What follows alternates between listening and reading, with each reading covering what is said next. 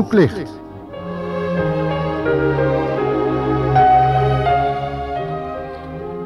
Een programma van de Stichting Adulam in Curaçao. Welkom luisteraar in ons programma Zoeklicht, oftewel de voortzetting van de programmaserie Op weg naar het licht. Nu met het thema Wat gebeurt er als wij Gods vredesaanbod verwerpen?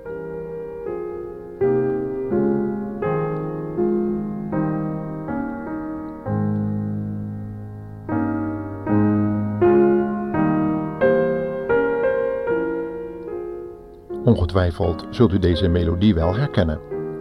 Wat de toekomst brengen mogen, mij geleidt des Heere hand. Maar eh, mogen we u ook vragen of dat bij u inderdaad het geval is? Bent u zich bewust van de geleidende hand van de Heer Jezus Christus? Dan moet u hem wel eerst aangeboden hebben gekregen. En door deze programmaseries wordt u ook die hand aangeboden toegereikt. De hand van Jezus Christus strekt zich in dit programma tot u uit en hij roept u toe: vrede. Vrede, zij u lieden. En hij wil u gebruiken in zijn dienst om ook andere mensen die vrede aan te bieden.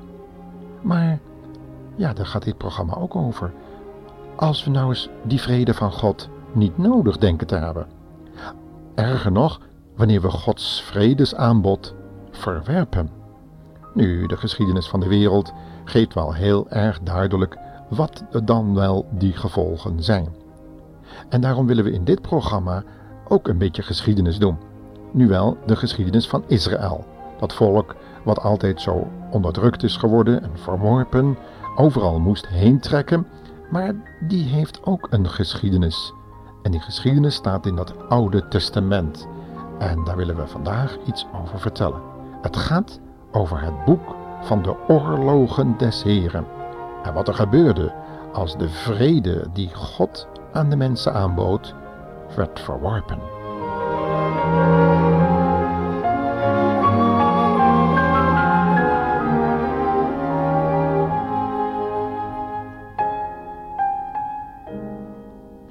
Ja, heeft u daar eigenlijk wel eens van gehoord? Over dat boek van die oorlogen des Heren. Eigenaardig eigenlijk, hè? Zo'n uitdrukking. Wist u dat er inderdaad zo'n soort boek bestaat? We zeiden het al, u moet daarvoor het Oude Testament opslaan. En dat heeft u naar alle waarschijnlijkheid zelfs in uw boekenkast staan. Maar misschien weinig of erger nog helemaal niet gelezen. Ja, we hebben het dus over dat eerste deel van de Bijbel, het Oude Testament. Het wordt ook wel eens het boek van Mozes genoemd omdat dit, hij de schrijver is geweest van die boeiende oorlogsroman. Ja, zo zou je het kunnen noemen. En ook daarna heeft Josia dat boek vervolgd om te schrijven. Je zou kunnen zeggen, hij heeft het afgemaakt. De meeste mensen lezen graag oorlogsromans of volgen de televisieseries over oorlog en geweld. En uh, dat gaat altijd gepaard met uh, allerlei intriges en gewelddadigheden liefdesaffaires en uh, met spionnen en zo. Maar zodra God zijn oorlogsroman laat schrijven, zoals Mozes en Josia dat dus gedaan hebben, een oorlogsroman zonder één enkele verdraaiing van feiten, met oorlogscorrespondenten die zonder opsmuk hun verhaal doen, dan blijft dat verhaal op de boekenplank slaan bij de meeste mensen. Wanneer men dan vraagt waarom, dan krijgt men meestal te horen dat ze al die lugubere verhalen niet aan het handelen van God kunnen toeschrijven, omdat God toch een God van liefde behoort te zijn. Men denkt dan aan het kindje Jezus op de armen van zijn liefhebbende en trouwe moeder. Een Jezus die naar het kruis wilde gaan, vrede aanbood aan zondige mensen en eenmaal de vrede op aarde weer zal bestellen. Maar is dat eigenlijk wel het beeld wat de Bijbel van Jezus en God schetst? Heeft u wel eens gelezen wat Paulus van Jezus vertelde? Datzelfde kinderke Jezus, wat daar zo onschuldig tegen de borst van zijn moeder schuilt. Diezelfde Jezus wordt door Paulus heel anders geschetst, helemaal niet zo hulpeloos, zoals we dat vaak willen geloven. Ja, als we nu alleen maar over vrede en over liefde willen horen, dan zult u teleurgesteld worden. Want we lezen u voor uit Handelingen 17, vers 30 tot 31, waar hij de wijsgeren van zijn tijd het volgende vertelde over Jezus. God is niet te vangen in een kunstwerk of de verbeelding van een mens, zegt Paulus daar op de Areopagus. Hij heeft de domheid van de mensen hele tijd geduldig verdragen. Maar nu roept hij hen allemaal op tot een volledige ommekeer. In andere vertalingen wordt het woord bekering gebruikt, metanoïte. En dat gaat gepaard met de innerlijke ommekeer die de Bijbel wedergeboorte noemt, metanoïte. Want hij heeft een dag vastgesteld waarop hij rechtvaardig over de mensheid zal oordelen, door een man die hij daartoe heeft aangewezen.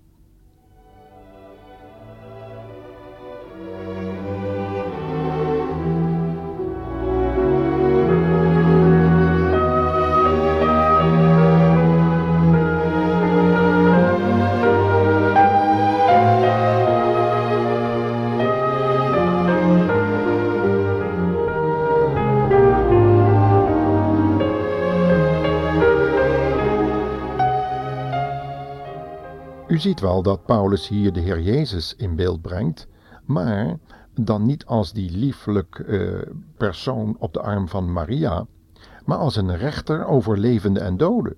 Die boodschap lustte de wijze mannen uit die tijd van Paulus niet. En ze werden boos en geïrriteerd. Maar willen wij vandaag de dag wel zoiets horen? God heeft de hele wereldgeschiedenis door de mensheid zijn vrede aangeboden. En toen hij zijn volk Israël uit de slavernij van Egypte verloste en in het beloofde land bracht, waren daar nog vele moeilijkheden te overwinnen. Zoals de Joden nu te midden van vijandige buurlanden woont, zo voelden mensen het toen ook. Maar de opdracht van God in Deuteronomie 20, vers 10 tot 13 was heel duidelijk. Die luidde als volgt: Wanneer u nadert tot een stad om tegen haar te strijden, zo zult u haar eerst de vrede aanbieden. En wanneer zij deze aannemen, zullen zij u dienen.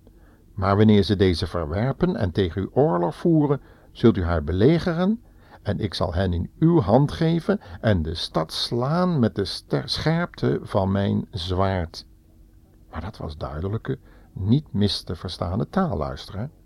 En later heeft Paulus die taal overgenomen met de woorden uit 2 Korinthe 5 vers 20 en 21 die ik u ook zal voorlezen. Hij zegt daar, wij zijn boodschappers van Christus. God doet door ons een beroep op u. Daarom smeken wij u namens Christus, laat het in orde komen tussen u en God. Want God nam Christus, die geen zonde gedaan had, en belastte hem met onze zonden. En in ruil daarvoor rekent God de rechtvaardigheid van Christus aan ons toe. Wat zegt u daar nu van, luisteraar? Is dat geen geweldig vredesaanbod? Maar toch zit er iets dreigends in die woorden van Josia en ook Paulus. Want in 2 Korinthe 5 vers 10 tot 11 zegt Paulus het volgende. Wij allemaal zullen eens voor de rechterstoel van Christus moeten verschijnen, om voor Hem rekenschap van onze daden af te leggen. Dan wordt alles van ons leven blootgelegd. Ieder van ons zal krijgen wat hem toekomt, voor wat hij in zijn aardse lichaam heeft gedaan, goed of kwaad. En omdat wij zo'n diep ontzag voor de Heer Jezus hebben, doen wij ons best anderen voor Hem te winnen. God weet dat wij hierin oprecht zijn. En ik hoop van harte dat dat ook voor u duidelijk is, want wij kennen de schrik des Heren. Maar we mogen deze tekst uitbreiden met de glorierijke boodschap van de verschijning van de Heer Jezus voor ieder die in Hem gelooft. Dat zal een vreugdevolle bijeenkomst zijn, want dan zal de Heer die vrede geven die we nu al in ons hart hebben, maar dan zal het eeuwig duren. Ja, wanneer de Heiland zal verschijnen voor ieder die in Hem gelooft. Daar zal u een koor voor u over zingen.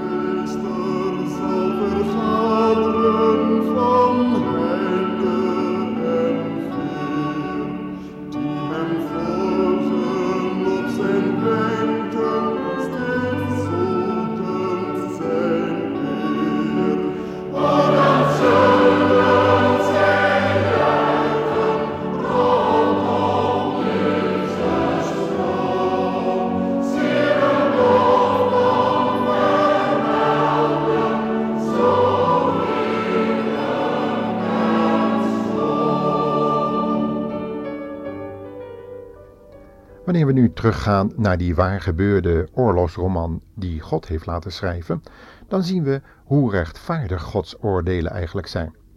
Steeds weer bood God door middel van zijn gezanten de vrede aan.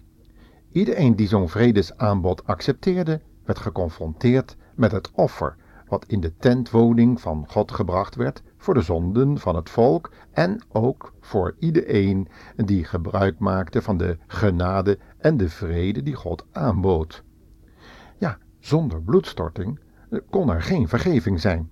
Dat leerden de mensen die die vrede aangenomen hadden al snel. God zei dat er een akkoord is sinds de komst van het Lam van God. En wie is dat Lam van God anders dan de Heer Jezus Christus, Gods eigen veelgeliefde Zoon? Kent u de Heer Jezus? Kent u deze veelgeliefde Zoon van God? Wanneer u het nu aan Hem toevertrouwt en uw zonden op dat Lam van God legt, dan worden die weggenomen en u krijgt vrede met God. Tot de volgende uitzending, luisteraar.